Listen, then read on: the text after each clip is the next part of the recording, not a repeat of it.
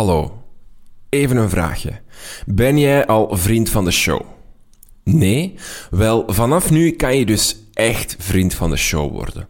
Dat doe je door te surfen naar www.dekrijtlijnen.be en daar te drukken op Word vriend. Je kan dan kiezen om ofwel een maandelijkse bijdrage van 2,5 euro te doen of om een eenmalige donatie te doen. Wat je ook kiest, ik ben u super dankbaar. Want met jouw donatie kunnen wij een betere podcast maken. Zo kunnen we tijd creëren om langer te werken aan afleveringen, om meer experten en interessante stemmen aan het woord te laten en zo nog meer leerkrachten te inspireren. Als je vriend van de show wordt, dan krijg je ook toegang tot de exclusieve Facebookgroep waar we alle vrienden van de show verzamelen en met elkaar discussiëren over de aflevering en waarin we ook graag jullie mening horen over wie we moeten uitnodigen in de show of welke vragen we moeten stellen. Kortom, haast je naar www.dekrijtlijnen.be, haal even die bankkaart boven en vervoeg ons fijne gezelschap van co-teachers van buiten de krijtlijnen. Veel dank en dan nu naar de show. We zien ook wel dat jij je gsm gebruikt onder het bureau. Hè? Valt soms leerlingen persoonlijk aan. Dank u wel om mij zo goed te helpen. Ik vind dat leerkrachten naar ons moeten luisteren, zodat we ook naar hen kunnen luisteren. De feedback tool is er voor leerkrachten die willen praten met leerlingen over de kwaliteit van hun lessen. De leerkracht kan met 15 themablokken zelf een enquête bouwen en zelf open vragen maken. Het rapport is enkel voor de leerkracht en de antwoorden van de scholieren zijn anoniem. De feedback tool is wetenschappelijk onderbouwd en ontwikkeld door de Vlaamse scholierenkoepel in samenwerking met leerlingen en leerkrachten. Ze is online en gratis te vinden op www.scholierenkoepel.be-feedbacktool.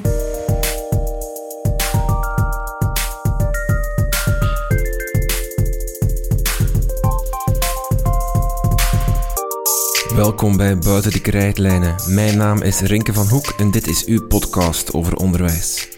We praten vandaag over geld. Het onderwijsbudget is 12 miljard van de Vlaamse begroting. Goed voor 1 vierde van de totale uitgaves van de Vlaamse overheid. Is dat veel? Of juist weinig? En wordt dat geld eigenlijk goed besteed? We praten daarover met Dirk van Damme, diensthoofd van het Center for Educational Research and Innovation van de OESO. Elk jaar brengt hij met die OESO het Education at a Glance rapport uit, waarin hij de onderwijsbudgetten van de verschillende OESO-landen met elkaar vergelijkt en ook analyseert. We praten over het Vlaamse onderwijsbudget, hoe we dat moeten inschatten als we het vergelijken met andere landen en wat er anders kan. Dirk van Damme.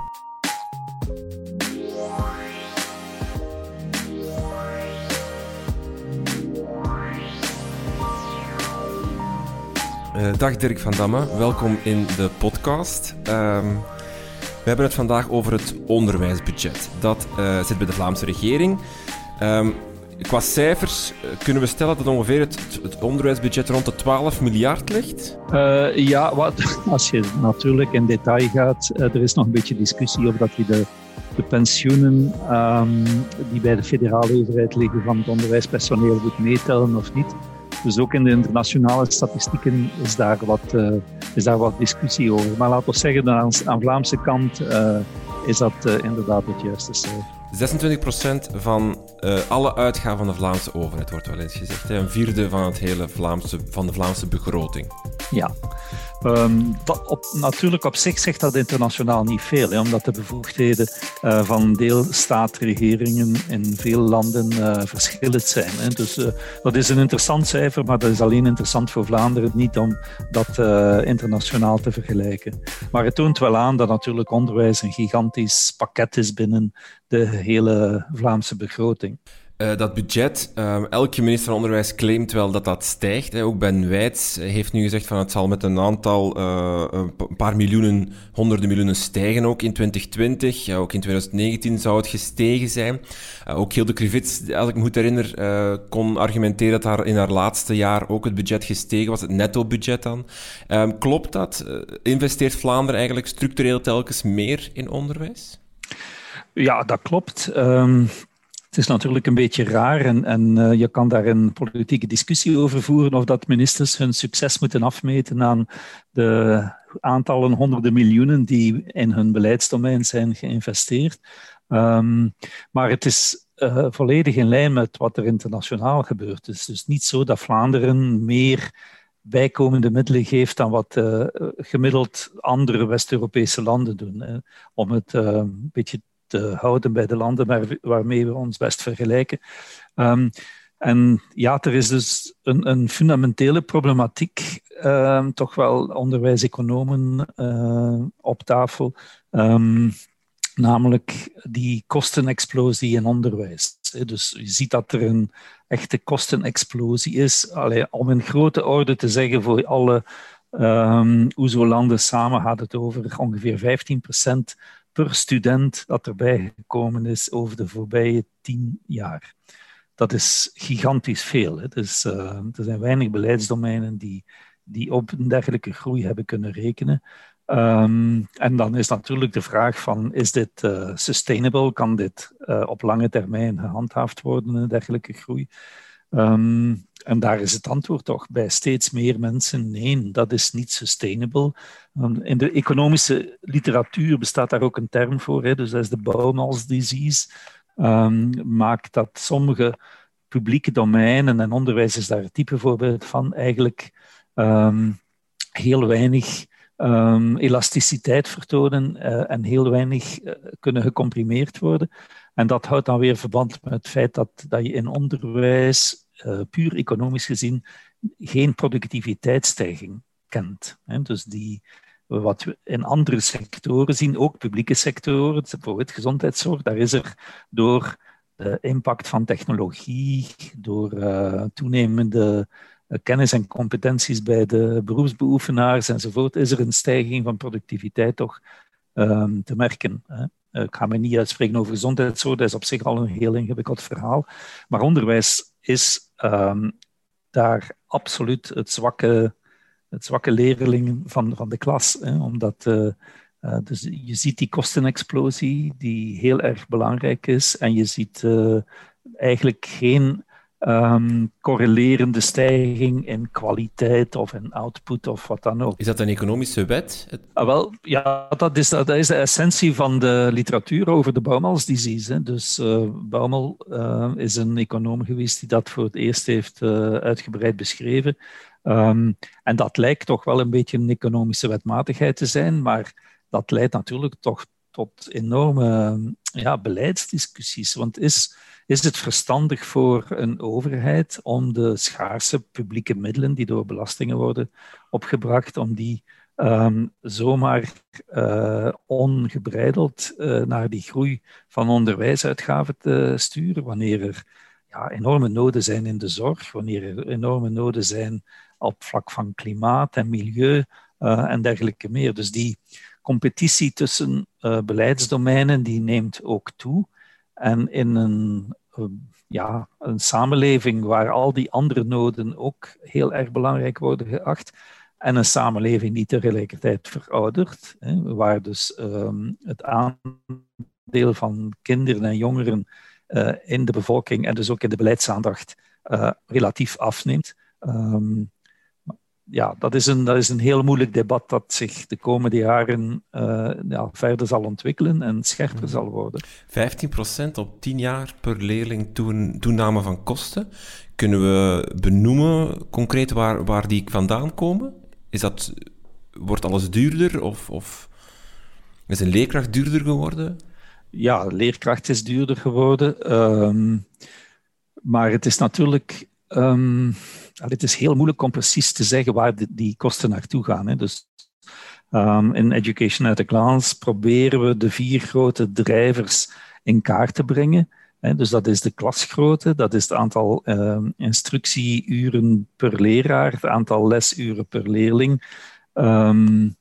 en dan, wat was de vierde? Ah ja, de, gewoon de, de salariskost van, van leraren. Hè. Dus dat zijn eigenlijk uh, macro gezien de vier grote drijvers. Er zijn er natuurlijk nog veel andere.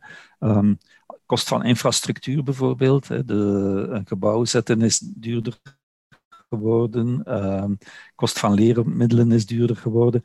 Um, er zijn heel veel ja, kostendrijvers die uh, waar eigenlijk externe providers zijn gaan op, op teren, om het zo zegt, om niet het woord profiteren te gebruiken.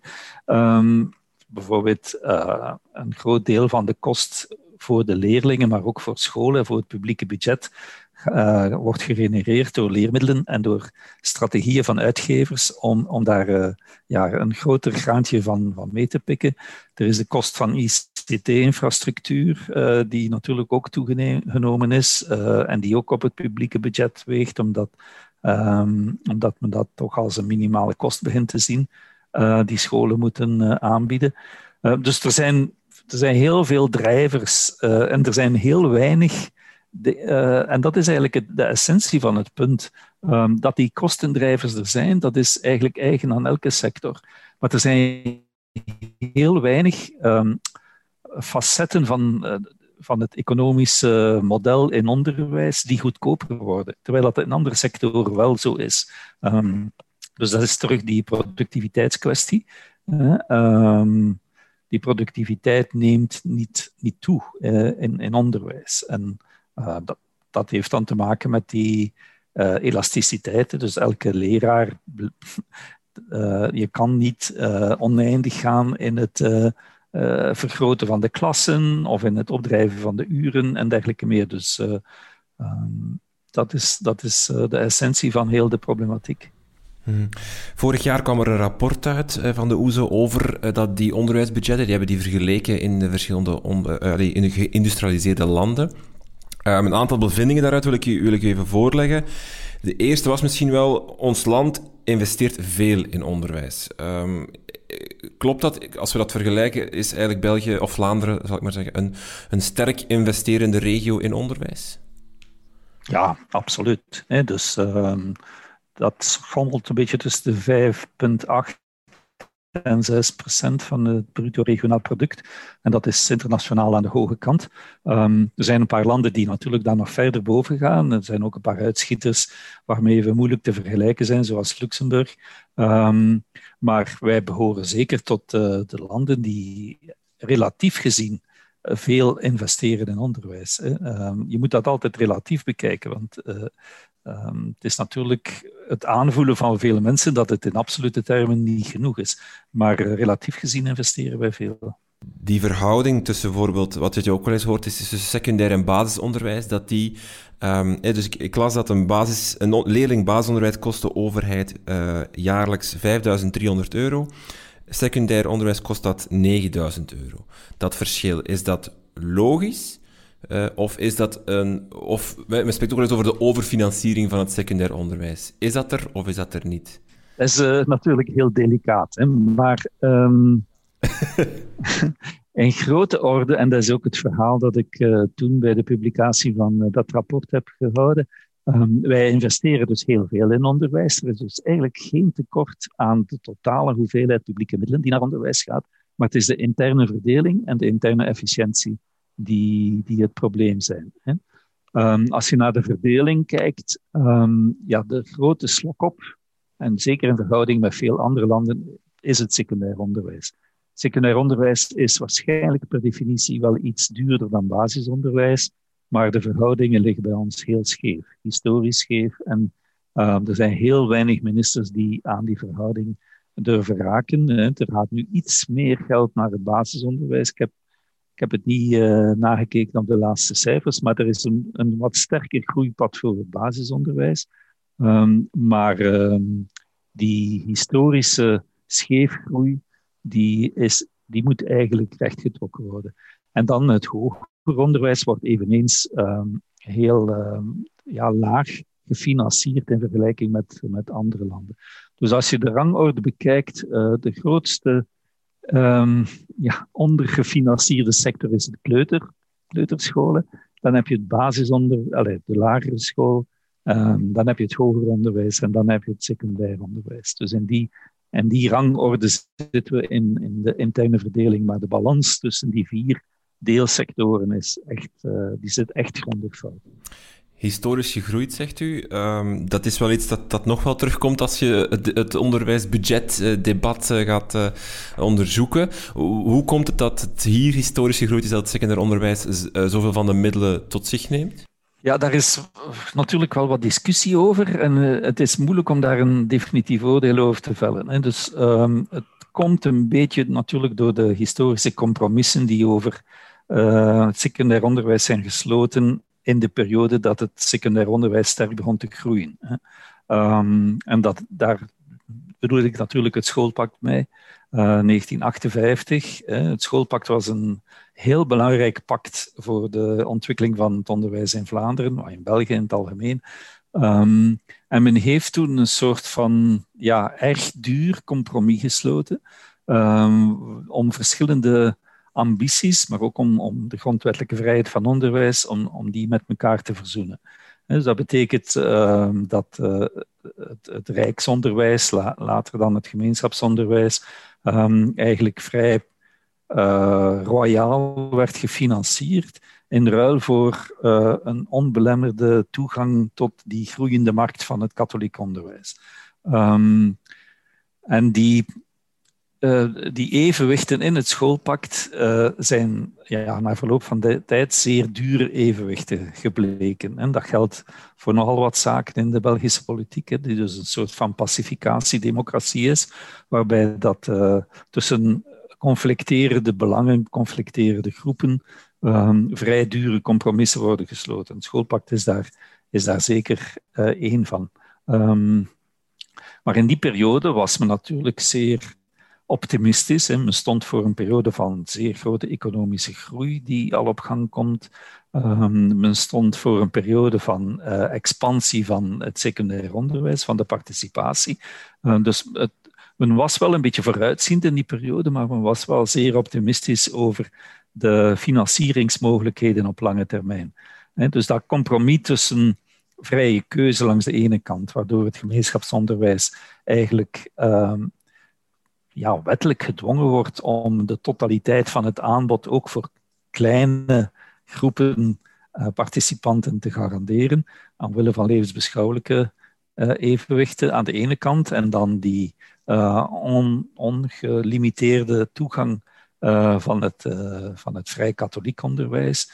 Um, dus die, wat wil zeggen, ik, ik ben niet van het standpunt dat de nettenstructuur um, een, een, een, slecht idee is. Hè. Dus ik vind niet dat je kan zeggen, hè, want het zit in onze grondwet ingebeiteld, um, dat je als je zomaar naar uh, net overschrijdend onderwijs zou gaan, dat het dan enorm veel geld zou opleveren. Maar er zijn natuurlijk, um, zeker langs de kant van het gemeenschapsonderwijs, door de vrije keuze en het feit dat, men, dat het gemeenschapsonderwijs minder sterk gegroeid is dan wat men in 58 dacht. Men dacht in 58, die twee blokken zullen min of meer elkaar in evenwicht houden en die zullen uh, uh, leiden.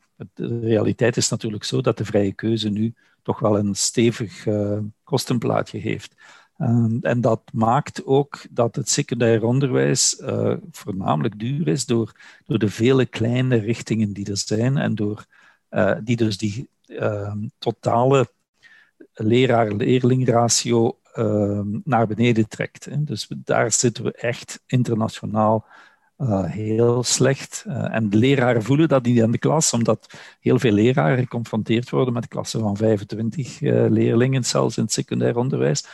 Maar um, je hebt in Vlaanderen heel veel studierichtingen met drie, vier, vijf leerlingen per leraar. Hè. Dus, en dat trekt natuurlijk die, dat kostenplaatje heel erg naar de hoge kant.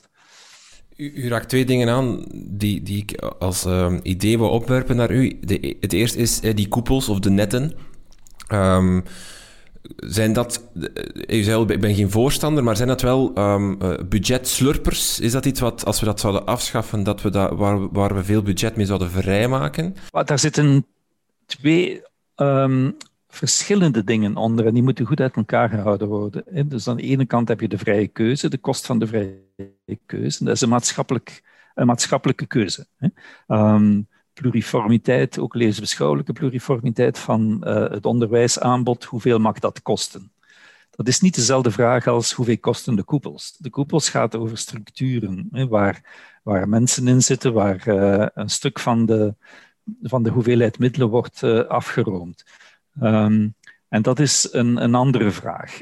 Uh, ik vind persoonlijk ook dat die middenstructuren, die een aantal zinnige functies vervullen, hè, dus ik, ik, uh, ik vind soms de kritiek daarop wat goedkoop, maar die kosten natuurlijk wel geld. Hè, en dat, dat, is, dat zijn middelen die um, niet naar de frontlijn gaan, om het zo te zeggen, naar de klas en naar de scholen.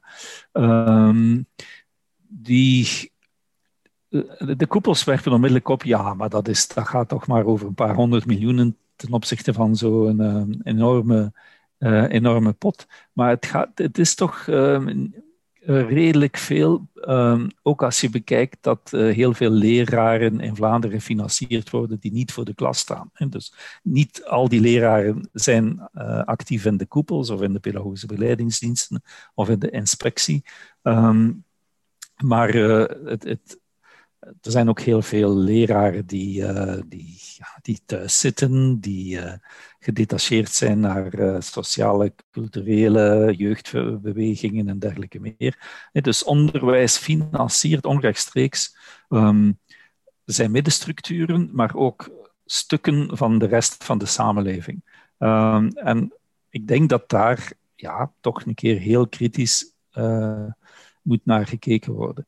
Um, en dat is een, uh, dat is een vrij moeilijk debat. Hè. Dat, gaat voornamelijk over detacheringsmogelijkheden, die in ons uh, land zeer, zeer ruim zijn. Het, wij hebben ook een vrij typisch systeem dat we de inspectie financieren vanuit het geld dat eigenlijk naar de scholen moet gaan. Dus omdat heel veel inspecteurs gedetacheerd worden. Um, dus Um, ik, persoonlijk vind ik dat, uh, dat er een zekere middenstructuur perfect uh, rechtvaardigd is en dat dat ook in andere landen uh, het geval is. Maar de groei van die middenstructuren is wel relatief zeer groot geweest bij ons. En op dit moment moet je toch kijken van, is dit de meest rationele manier dat je want het is geld dat van, van scholen en klassen gaat. Um, is dat de meest rationele manier om dat te organiseren? Uh, in hoeverre is de vrijheid van onderwijs ook een budgetslurper? Of zorgt ervoor dat budgetten de pan uit, uitzwingen? Of torpedeert hij het eigenlijk het, efficiëntiedebat? Is dat, staat dat tegenover elkaar? Enerzijds een soort van vorm van efficiëntie tegenover dan die vrijheid van onderwijs, die vrijheid van keuze naar onderwijs toe? Ja, een, een onderwijssysteem dat uh, vrijheid van onderwijs en dus vrije keuze uh, als een van de basisprincipes hanteert, daar kan je van verwachten dat het wat duurder uitdraait dan een onderwijssysteem waarvan bovenaf heel rationeel, efficiënt uh, de allocatie van middelen wordt georganiseerd. Hè. Um, de vraag is een beetje van, heeft het ook onderwijseconomisch gezien voordelen? Ik denk het persoonlijk wel. Um, dan, is de vraag hoeveel competitie um, is economisch gezien zinvol in uw systeem. Het Frans, Franse systeem is helemaal anders georganiseerd. Daar, dat is heel efficiënt van bovenuit met planning. Um, daar komt een school omdat daar uh, voldoende vraag zal zijn. Er is geen competitie met andere scholen. Um, dus top-down, uh, planmatig. Um, maar het Franse systeem uh, ja, leidt een beetje onder het feit dat de kwaliteitsimpulsen die je toch van competitie uh, mag verwachten, totaal afwezig zijn. Hè. Dus scholen hebben geen intrinsieke um, motivatie om zich ten opzichte van andere scholen te gaan profileren, te gaan meten, om de gunst van ouders te gaan uh, uh, bedelen, zo gezegd. Um, en ik denk dat een zekere mate van competitie in, in uw onderwijssysteem ook kwaliteitsbevorderend is en dus zorgt dat dat de investeringen ook meer uh, opbrengen in termen van kwaliteit van leeruitkomsten. Um, dus we zien in OESO-landen uh, dat uh, lokale autonomie, en lokale autonomie en onderwijsvrijheid is natuurlijk niet hetzelfde, maar lokale autonomie is wel groter in, in systemen met vrije keuze. Um, dat dat kwaliteitsbevorderend werkt. Hè. Dus ik denk dat de kwaliteit van ons onderwijs dat we historisch toch hadden, um, dat dat voor een stuk komt door de, de vrije keuze. Uh, en voornamelijk door een, het inbouwen van een stuk competitie uh, um, en, en ouders die kunnen stemmen met hun voeten waar ze naartoe gaan of waar ze hun kinderen naartoe sturen. Ehm, nu, de, de kostprijs daarvan, hoe, hoe hoog mag die zijn, dat is een hele moeilijke vraag. Ik denk dat die op dit moment te hoog is, omdat je heel veel oneigenlijke vormen van competitie toelaat.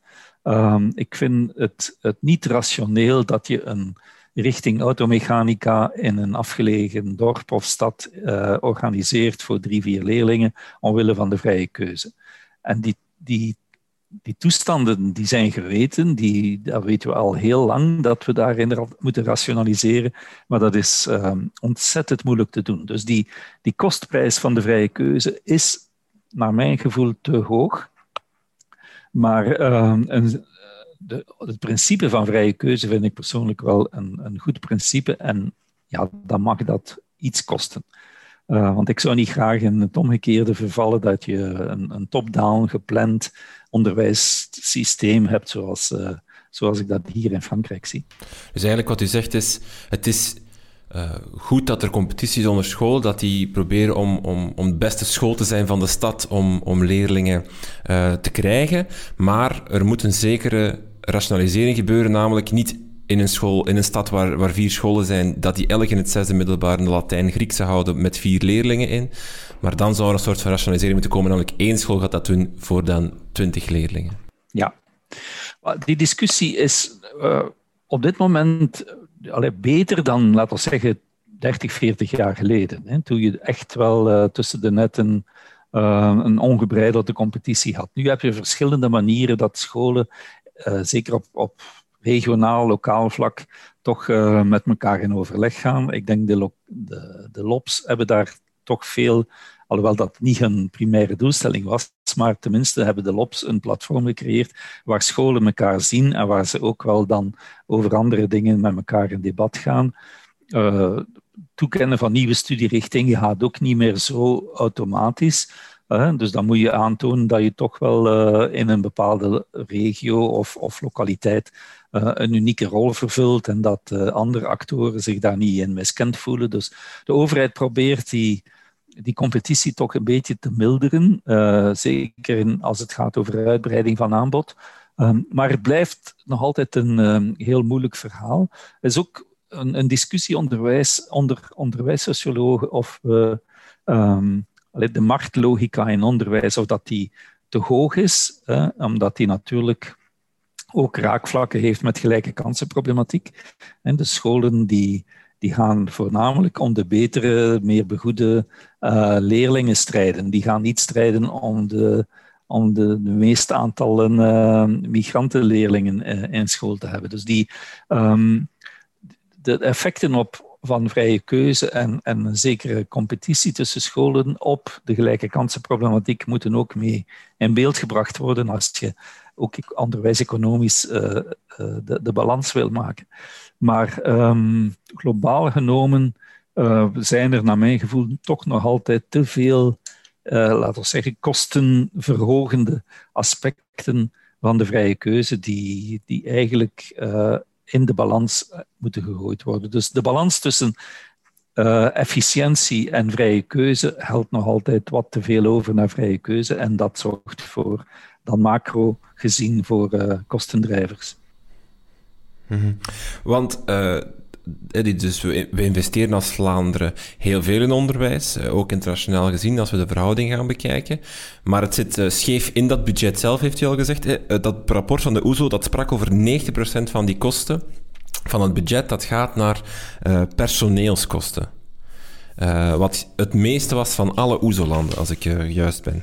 Ja, dat is um, een ander uitzeer. Dus... Um geen enkele minister van Onderwijs, zelfs niet de meest krachtdadige die daar iets proberen aan doen hebben, die zijn daarin geslaagd om dat uh, terug te dringen. Um, ja, Luc van der Bossen heeft in zijn tijd ooit een keer gezegd van stenen betogen niet.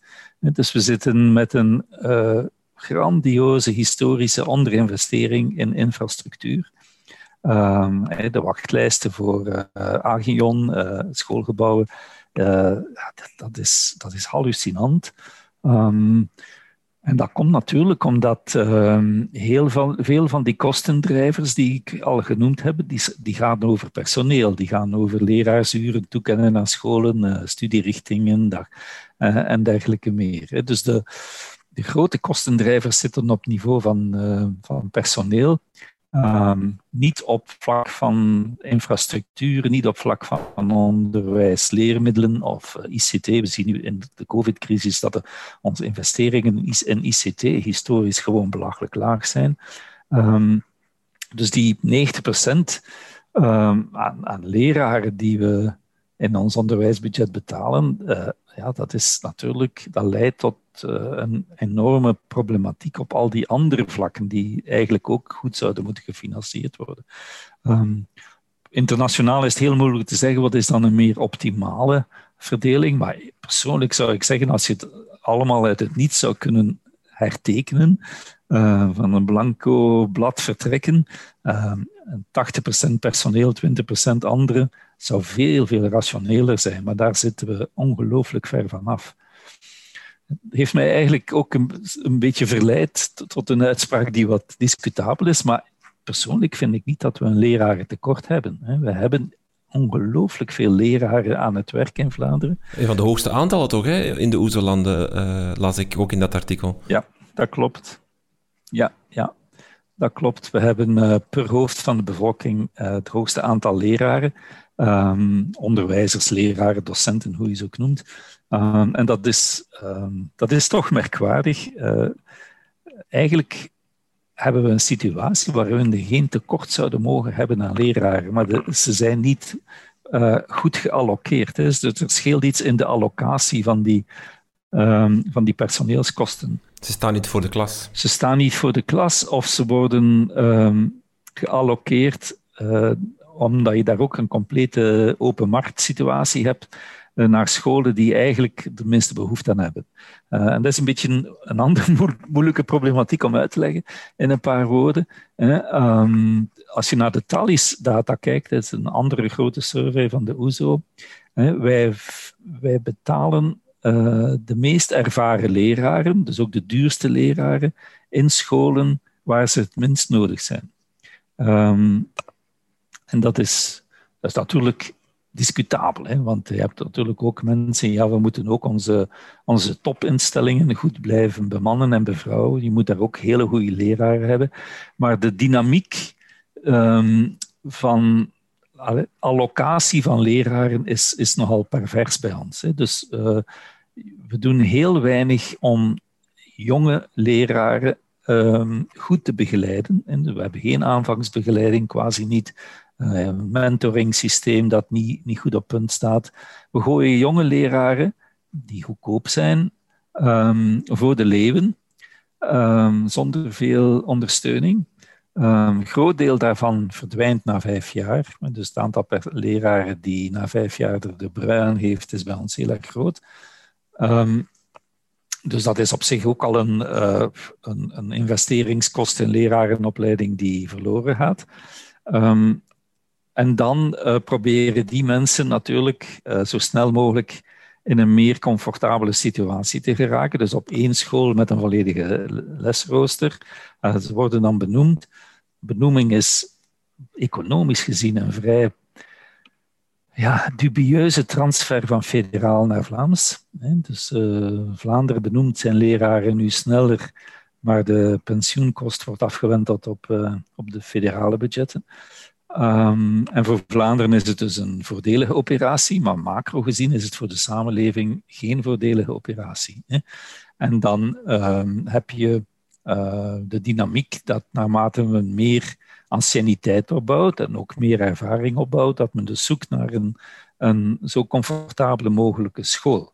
Niet de school waar je met jouw skills en competenties en ervaring het meest zou kunnen bijdragen, namelijk in die scholen die die ja, de grootste problemen, de grootste moeilijkheden hebben, het moeilijkste publiek hebben.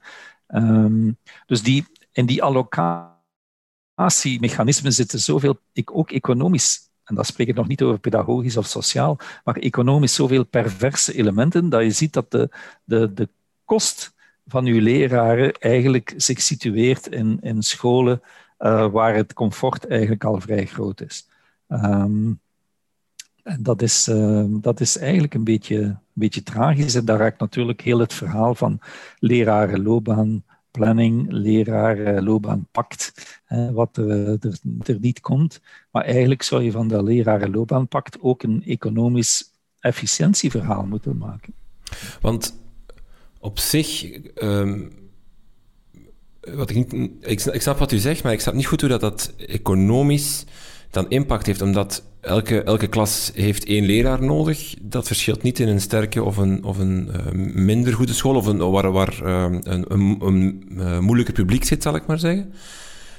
Waarom brengt dat dan meer, kost dat dan meer geld in de ene school en de andere niet? Nee, het, het, het heeft een effect op, op de effectiviteit en op de productiviteit. En dus de, laten we zeggen dat theoretisch gezien een ervaren leraar meer productief is. Um, en dan zou je moeten een systeem hebben, uh, zoals bedrijven doen, dat de meest productieve mensen daar worden geplaatst waar ze ook de hoogste output kunnen realiseren. Um, en dan zou je maatschappelijk veronderstellen dat de meest ervaren leraren komen in die klassen en die scholen waar de output ook kan gemaximaliseerd worden. Um, en ik zal niet zeggen dat dat uh, niet het geval is in hele goede scholen. Hè. We zeggen, theoretisch gezien dragen ze daarbij tot de onderwijskwaliteit aan de top. Maar uh, je, je ziet bij ons dat uh, zeker in die scholen waar er heel veel kansenproblematiek is, waar er heel veel problematiek is van, van ja, leerwinst maken, dat je daar niet de meest ervaren leraren ziet. Dus het is niet zozeer in de investeringskant dat het een probleem oplevert, het is in de kant van de output en de, en de efficiëntie, de leerwinst uh, die geboekt wordt. En dat maakt een beetje dat wij zo'n enorme spanning hebben tussen goed en goed uh, functionerende scholen en laag functionerende scholen in PISA. Dus die spanning is bij ons um, gigantisch groot. En dat komt door die dynamiek in, waar gaan leraren naartoe, uh, naarmate ze meer ervaring opbouwen. Um, u, u haalt daar straks al aan, die, zo, het, het, uh, de loonkost per leerling, hè, want die is dus 90% bij ons, uh, heel hoog. Die, die wordt inderdaad door zo vier um, ja, pijlers of, of elementen beïnvloed. De hoogte van het loon is daar eentje van. Misschien daar even kort over. Worden leerkrachten te veel betaald in ons land? Nee, ze worden, te veel is, is uh, klinkt natuurlijk problematisch, maar ze worden goed betaald. Ik bedoel, uh, ik ben ervoor om leraren ook goed te betalen. Um, ik vind wel dat daar iets meer mag tegenover staan in termen van professionalisering. Um, dus dat betekent, dat is dan een hele domein van um, permanente vorming, nascholing enzovoort, dat bij ons niet goed geregeld is. Maar als je leraren goed betaalt, verwacht je daar ook een grote inzet van en ook uh, uh, een, een, ja, meer, meer stimulansen naar professionalisering. Hè? Terwijl de professionalisering nu botst op, de, op ja, het eindeloze debat van ja, moeten we dat uit eigen zak betalen of niet. Um, ik vind elke, uh, elke professional investeert zelf ook persoonlijk in zijn voortdurende professionele ontwikkeling. Um, dus de, daar vind ik dat het een beetje uit balans is. Um, maar leraren worden terecht uh, goed betaald. Um, er is ook een discussie over de evolutie van de verloning over de loopbaan. Het is waar bij ons eigenlijk die curve een beetje te vlak is. Um, maar op dit moment zou ik daar niet aan wijzigen. Als je daaraan wijzigt, dan kom je in een discussie van niet alleen van meer professionalisering, maar ook van uh, moeten leraren kunnen doorgroeien naar een middenkader, um, naar uh, meer variatie in de loopbaan en dergelijke meer. Dus, en daar ben ik wel voor. En dat zal waarschijnlijk dan ook wel wat een kostprijs hebben. Um, maar dat zou wel, denk ik, een zinvolle investering zijn. Maar op zich zijn leraren lonen goed tot, tot internationaal zeer goed. Mm -hmm. Klasgrootte is nog zo'n uh, element, daar hebben we het al over gehad, in de zin van dat uh, heel veel leerkrachten voor een klas van 25 staan en die zijn het probleem niet. Het zijn dan die heel specifieke richtingen die vaak voor een heel laag aantal leerlingen worden georganiseerd en die dan zorgen voor dat dat um, Dat het gemiddelde, zal ik maar zeggen, van klasgrootte bij ons vrij laag ligt. Ja, dat, dat is uh, helemaal juist. Hè. Dus um, we zitten al jaren rond, ik denk, uh, negen uh, leerlingen per leraar voor het secundair onderwijs. Um, en we krijgen dat niet naar omhoog. Hè. En internationaal is dat echt laag. Dat is veel te laag. Hè. Dat is economisch een van de hoge um, kostenfactoren. Um, maar het botst natuurlijk met de perceptie dat, je, dat leraren heel veel kinderen in de klas hebben. Het botst met de perceptie van ouders die eigenlijk liever kleinere klassen hebben. Um, dus uh, het is een heel uh, delicaat punt.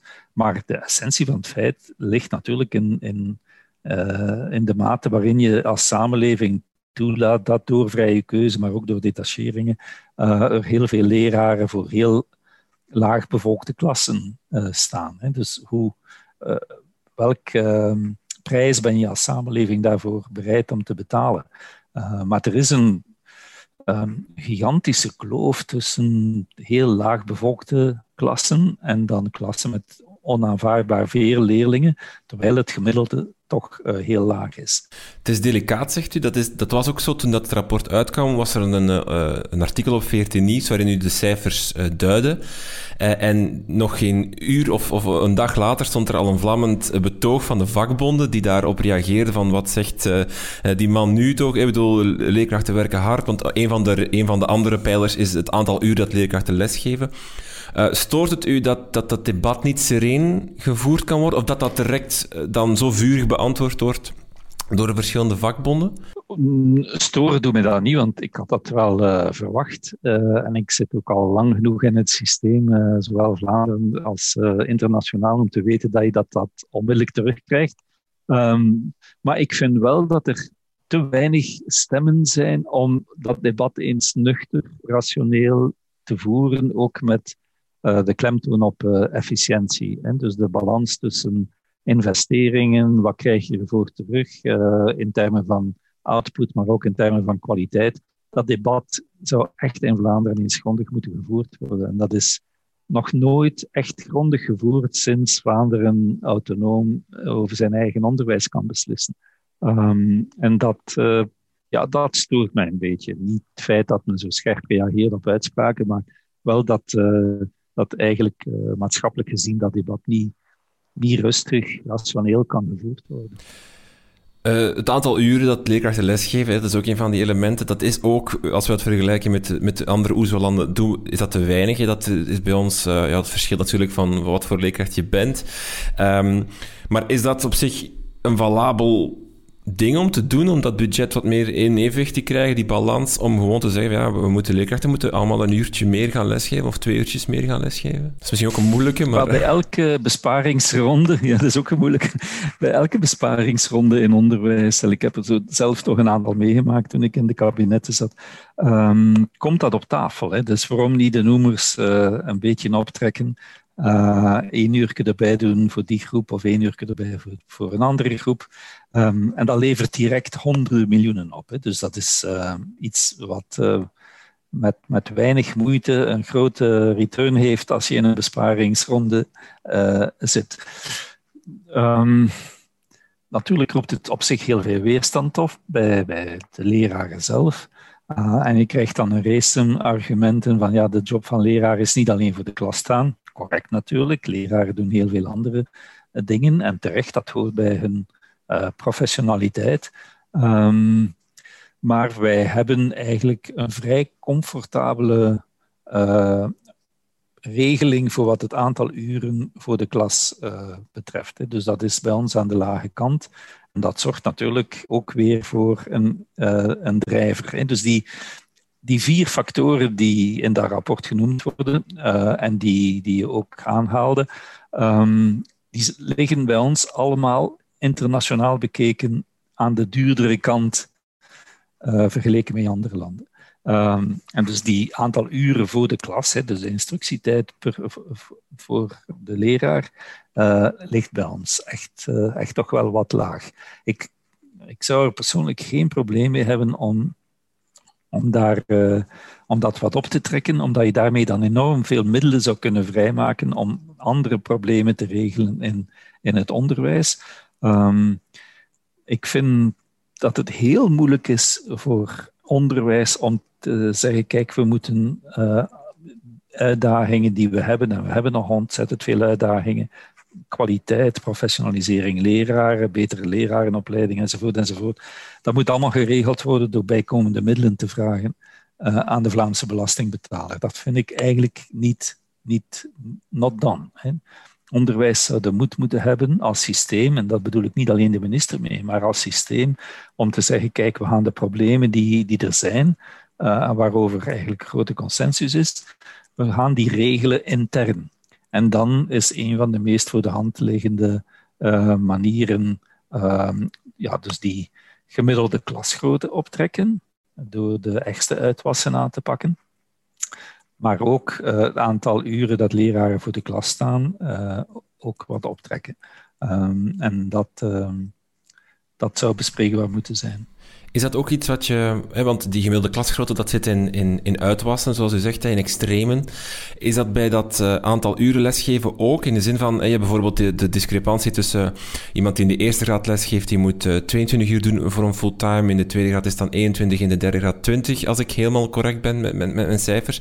En trekt dat bijvoorbeeld allemaal naar 22 voor, voor eerste, tweede, derde graad. Is het zo ook dat je het kan oplossen, of is het eigenlijk, is daar gewoon iedereen, alle leerkrachten, lager, allemaal uh, secundair, allemaal een uurtje bij? Is, is, is het, of kan je dat ook oplossen door gewoon een aantal extreme of historisch gegroeide verschillen weg te werken? Nee, want er zitten eigenlijk geen verschillen tussen de netten of tussen scholen. Hè. Dus de verschillen zijn tussen de graden en secundair. Ik zou het zeker niet goed basisonderwijs doen. Hè. Dus dat, dat, daar zou ik, ik zou daar alleen maar naar het secundair kijken. En uh, dat is de vraag van op wat is die historische consensus gebaseerd dat je in de derde graad minder uren moet doen dan in de eerste graad. Ik vind daar heel weinig uh, argumenten voor.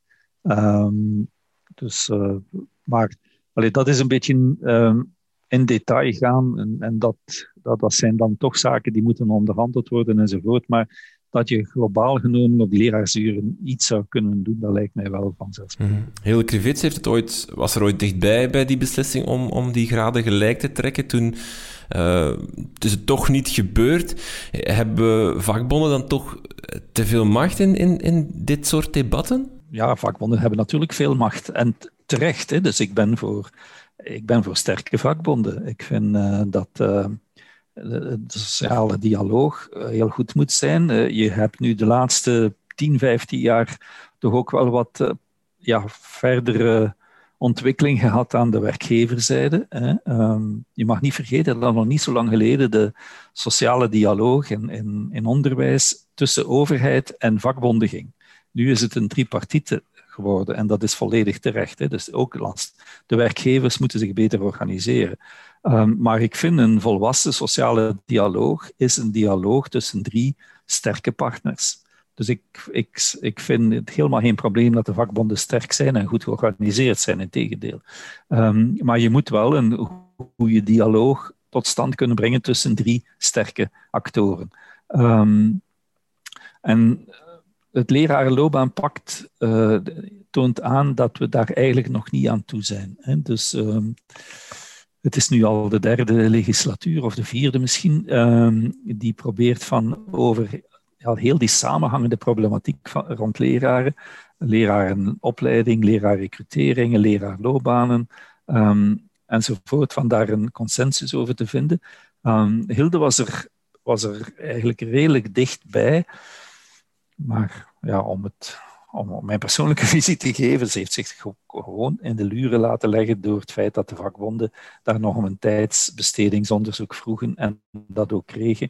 Terwijl men wist dat uh, tegen dat dat onderzoek dan afgerond zou zijn, dat uh, men te ver in de legislatuur zat om nog tot een akkoord te komen. Dus dat is, ik vind dat ontzettend jammer. Ik vind dat een, eh, een gemiste kans. En ja, de vraag is, gaat de huidige legislatuur daar een betere conditie beter voorwaarden kunnen uh, geven om tot een akkoord te komen. Maar het is de sleutel tot heel veel ehm, problemen in onderwijs, om rond dat grote dossier een akkoord te krijgen. Leerlingen minder uren les is ook uh, een van de elementen. Allee, of onze leerlingen krijgen vrij veel les uh, in vergelijking met andere OESO-landen. Dat kost natuurlijk veel geld.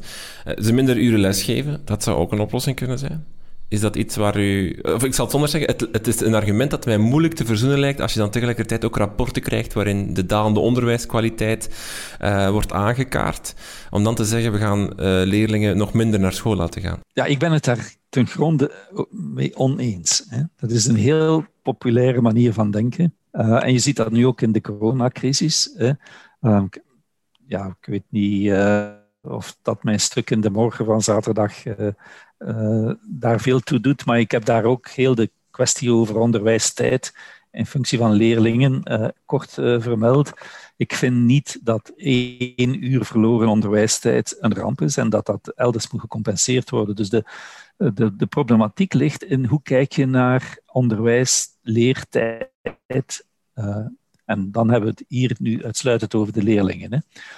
Um, je ziet internationaal dat, um, dat er geen enkele correlatie is tussen onderwijskwaliteit, onderwijsefficiëntie en het aantal uren dat leerlingen les krijgen. Um, je mag daar met een vergrootglas op zoeken. Um, daar is gewoon geen, geen uh, correlatie tussen. dat betekent niet als je bij ons de onderwijstijd zou verminderen, dat het dan misschien geen nadelige effecten zou hebben. Maar je moet kijken naar wat gebeurt er in die onderwijstijd. Is dat de meest optimale, uh, is dat het meest optimale gebruik dat je hebt op die, die tijd dat leerlingen in de klas zitten? En is de leerwinst die geboekt wordt daar dan uh, zo hoog mogelijk? Hè? Ehm, dus je moet op een meer genuanceerde manier gaan denken over onderwijstijd. Um, en ik heb gezegd, er is geen correlatie, maar er zijn heel veel systemen die eigenlijk beter functioneren, uh, zowel naar kwaliteit als naar efficiëntie, um, met minder onderwijstijd. Er is dus geen ijzeren wet dat als je onderwijskwaliteit wil verbeteren, dat je dus ook de onderwijstijd in functie van de leerlingen moet verhogen. Um, ik, ik vind het helemaal bespreekbaar dat men zou kijken uh, naar minder uren dat leerlingen in de klas moeten zitten, als je goed zou weten Um, wat er dan aan effectiviteit kan verhoogd worden gedurende de tijd dat ze in de klas zijn. Um, dat is, een, dat is ook dat is een moeilijk debat. Hè. Dus al die debatten zijn, zijn allemaal heel erg uh, moeilijk en delicaat. Maar ik vind dat er te simplistisch wordt gedacht over de onderwijstijd in functie van, van leerlingen. En, en heeft u daar een specifiek voorstel of model voor, van, van 32 uh, naar 30 uur? Of, of, of is, eh, is daar, een, is daar een, een voorbeeld van dat we kunnen volgen? Van, zo simpel kan het zijn? Of... Nee, de, de, vraag is, en dat is een vraag waar ook het onderzoek eigenlijk niet, niet zo eensluidend over is. Uh, we kunnen daar alleen maar een beetje naar, naar gissen op basis van buitenlandse voorbeelden. Maar um, om de, de meest om de, om de beste leerwinst in hoofd van leerlingen te boeken, hoeveel uur moeten leerlingen dan in de klas zitten? Hoeveel verwacht men dat ze thuis nog uh, actief zijn uh, met, met, met leren? Um, ik ben dus helemaal niet voor de afschaffing van huiswerk. Dat is dan een, een andere discussie, maar die, die, wel, uh, die dit wel raakt. Um, ik ben dus eigenlijk voor een systeem, als je mij toch de pieren uit de neus peutert, waarbij dat leerlingen iets minder uren in de klas zitten, maar wel uh, aangemoedigd worden om actief, en dat is dan de rol van de ouders die daar komt bij kijken, uh, met leren bezig te zijn, maar ook met spelen bezig te zijn, ook uh, tijd hebben voor, voor heel veel eh, andere dingen. Dus ik vind wel dat in Vlaanderen Um, en dat komt ook weer door ons historisch naïef idee over onderwijstijd, maar dat we in Vlaanderen um, leerlingen te lang op de schoolbanken laten zitten en dat we eigenlijk um, die en dat, dat heeft voor mij ook raakvlakken met, met het feit dat we heel slecht doen op vlak van levenslang leren en op vlak van een, leerklimaat en een leercultuur ontwikkelen, omdat mensen uh, leren associëren met op de schoolbanken zitten. En um, je ziet dat in Vlaanderen ook mensen denken, um, wanneer ik de schoolbanken vaarwel zeg, is voor mij het leren afgelopen en hoef ik niet meer te leren. Nee, um, heel de idee over levenslang leren betekent ook dat je herdenkt over welke plaats neemt leren in uw leven in, in verhouding met veel andere activiteiten. en hoe kan je kinderen uh, eigenlijk wat meer autonomie, wat meer controle, wat meer zeggenschap uh, bijbrengen over hoe ze hun leren organiseren. Uh, en dat betekent niet noodzakelijk hen meer uren op de schoolbanken. Uh, maar in de school zijn is natuurlijk absoluut noodzakelijk. Hè. Dus ik ben geen ontscholer.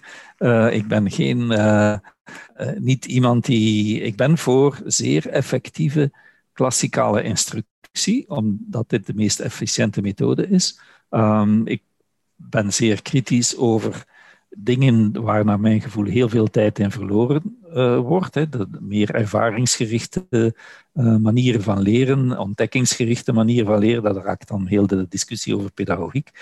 Um, maar ik ben uh, niet overtuigd dat de, de, onderwijskwaliteit kan vooruitgeholpen worden door leerlingen meer uur les te geven. Ik denk dat juist het omgekeerde resultaat zal teweegbrengen. Oké. Ehm, even op de actualiteit nog. Uh, de, de digisprong, hè, dat is de nieuwe, het, het nieuwe um, voorstel of, of uh, maatregel van onze minister van Onderwijs. 375 miljoen voor ICT in onderwijs. Uh, een forse investering, of kondigt hij het zelf aan. Is dat een goed idee om nu, um, omdat de actualiteit of de, de, de omstandigheden daarom vragen of dat uh, naar boven halen als, als uh, probleemissue, een tekort aan ICT-middelen.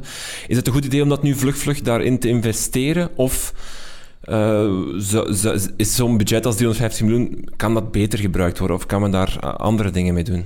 Nee, ik vind het zeker zinnig om dat te doen, hè, omdat we historisch met zo'n achterstand zitten op vlak van ehm, ICT-infrastructuur. Um, dus die inspanning is absoluut welkom. Het is uh, te laat. Het is uh, een beetje vijgen na Pasen, maar het is beter dan, dan niets. Hè. Dus uh, ik vind het een, een goede investering. Ik heb wel commentaren bij de manier waarop. Um, internationaal is men er niet van overtuigd dat laptops ter beschikking stellen door de school, die eigendom blijven van de school, dat dat zeer effectief is. Hè. Er is nogal wat onderzoek dat zegt dat uh, leerlingen anders omgaan met laptops als ze hun eigendom zijn dan als ze geleend worden van de school. Anders en ook minder, uh, minder efficiënt en minder effectief uh, omgaan met ICT-materiaal dat ze in leen krijgen. Dus het kan beter van hen zelf zijn? Het kan veel beter van hen zelf zijn en een soort van systeem waarbij dat je gezinnen in staat stelt op, op een zeer voordelige manier groepsaankopen uh, ja, soort huurkoopsystemen of wat dan ook. Maar om, om uh, eigenaar te worden van uh, een laptop of een, een, ja, een scherm, wat dan ook. Het hoeven erom geen laptops te zijn. kunnen heel veel andere dingen zijn. dat zou ik persoonlijk beter gevonden hebben. Maar dat is een andere discussie. Maar de investering vind ik zeer positief. En dan nog eentje. De, de OESO lanceerde een, een rapport waarin men uh, de vrees dat door de coronacrisis onderwijsbudgetten uh, algemeen wel eens zouden durven slinken. Het kost allemaal veel geld, de maatregelen nu. Dat er een soort van de komende jaren een slink of een, een vermindering zal zijn van onderwijsbudgetten. Um, hoe kijkt u daarnaar? Uh, en vooral dan naar Vlaanderen toe. Denkt u dat we echt naar een, een, een besparingsjaren gaan? Eerst en vooral moeten we uit die coronacrisis geraken. Hè. En dan is het niet het moment om op onderwijs te besparen, absoluut niet. Um, ik denk wel dat uh, ja, ook West-Europese landen uh, natuurlijk in de jaren na corona, en het is op dit moment koffiedik kijken wanneer en hoe zich dat zal aftekenen, maar dat we gaan moeten kijken van hoe gaan we al die uh, steunmaatregelen terugbetalen, hoeveel deficit kunnen we aan en dergelijke meer. Dus er zal hoe dan ook een macro-economische discussie over begrotingen op ons afkomen en dan zal onderwijs niet gespaard worden. Maar ik zie, de Wereldbank heeft een rapport gepubliceerd waarbij dat ze vrezen dat ongeveer in de komende jaren 10% van de onderwijsbudgetten zal afgaan, gemiddeld. Uh, maar ze kijken natuurlijk daar meest naar de ontwikkelingslanden en naar wat dus de, de, de hoe noemt men dat in het Nederlands? De emerging economies, dus de middle income countries. Ehm, daar situeren zich waarschijnlijk wel de grote de vraag. Ik denk voor West-Europese landen dat, uh, dat het ondenkbaar is dat daar 5% van van het budget afgaat. Dat zou mij zwaar verwonderen. Daarvoor zijn die historische evenwichten te groot. Daarvoor zijn die uh, machtsbalansen te belangrijk, uh, waar we het al over gehad hebben.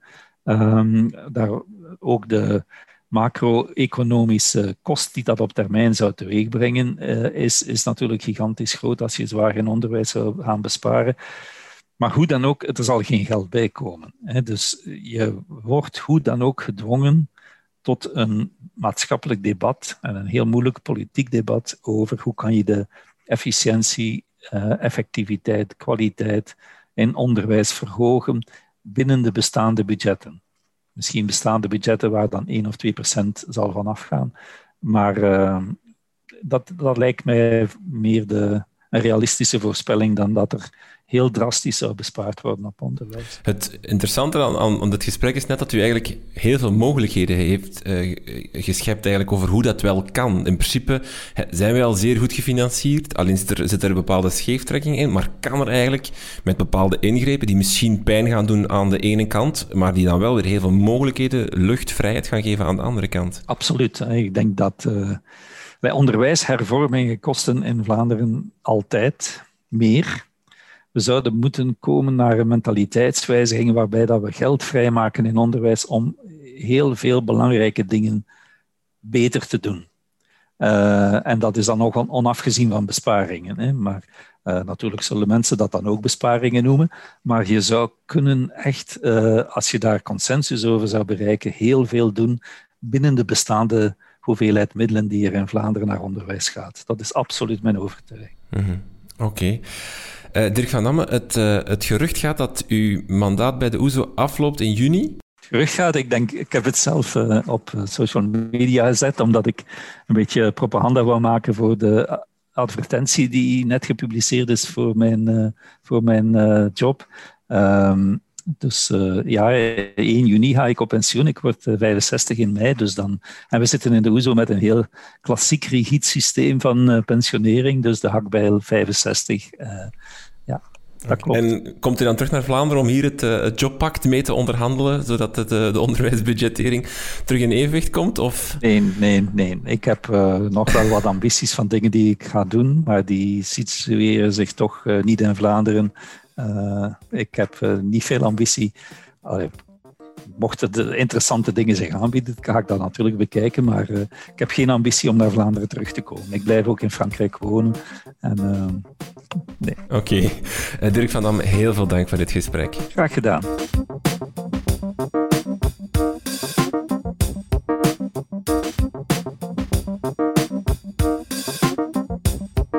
Dit was het weer voor deze aflevering. Meer info vind je in de show notes van deze podcast of op onze website www.dekrijtlijnen.be. Onder meer het recentste rapport van de OESO vind je daar. Blijf op de hoogte van onze plannen en nieuwe afleveringen via Twitter, Facebook of Instagram. Geef ons daar een volg of druk op de like-knop. Dank aan onze sponsor, de Vlaamse Scholierenkoepel, om deze aflevering mee mogelijk te maken. Ook u kan helpen om deze podcast beter te maken en te ondersteunen. Dat doe je door vriend van de show te worden. Via onze website kan je vriend van de show worden en een donatie doen. Dat kan een eenmalige donatie zijn of ook op maandelijkse basis. Dan doneer je 2,5 euro per maand. Surf dus naar www.dekrijtlijnen.be. Surf dus naar www.dekrijtlijnen.be. Haal even die bankkaart boven en steun ons. Je krijgt dan ook toegang tot onze exclusieve Facebookgroep met de andere co-teachers. Daar bespreken we de aflevering en kan je suggesties en feedback geven. Dank onder meer aan Tom en Petra om zich bij dit fijne clubje te voegen. Je kan ook een recensie achterlaten in iTunes of in de Apple Podcast app. Dat is altijd leuk voor ons om te lezen, maar ook zo help je anderen om de podcast te vinden. Dank voor het luisteren en tot de volgende.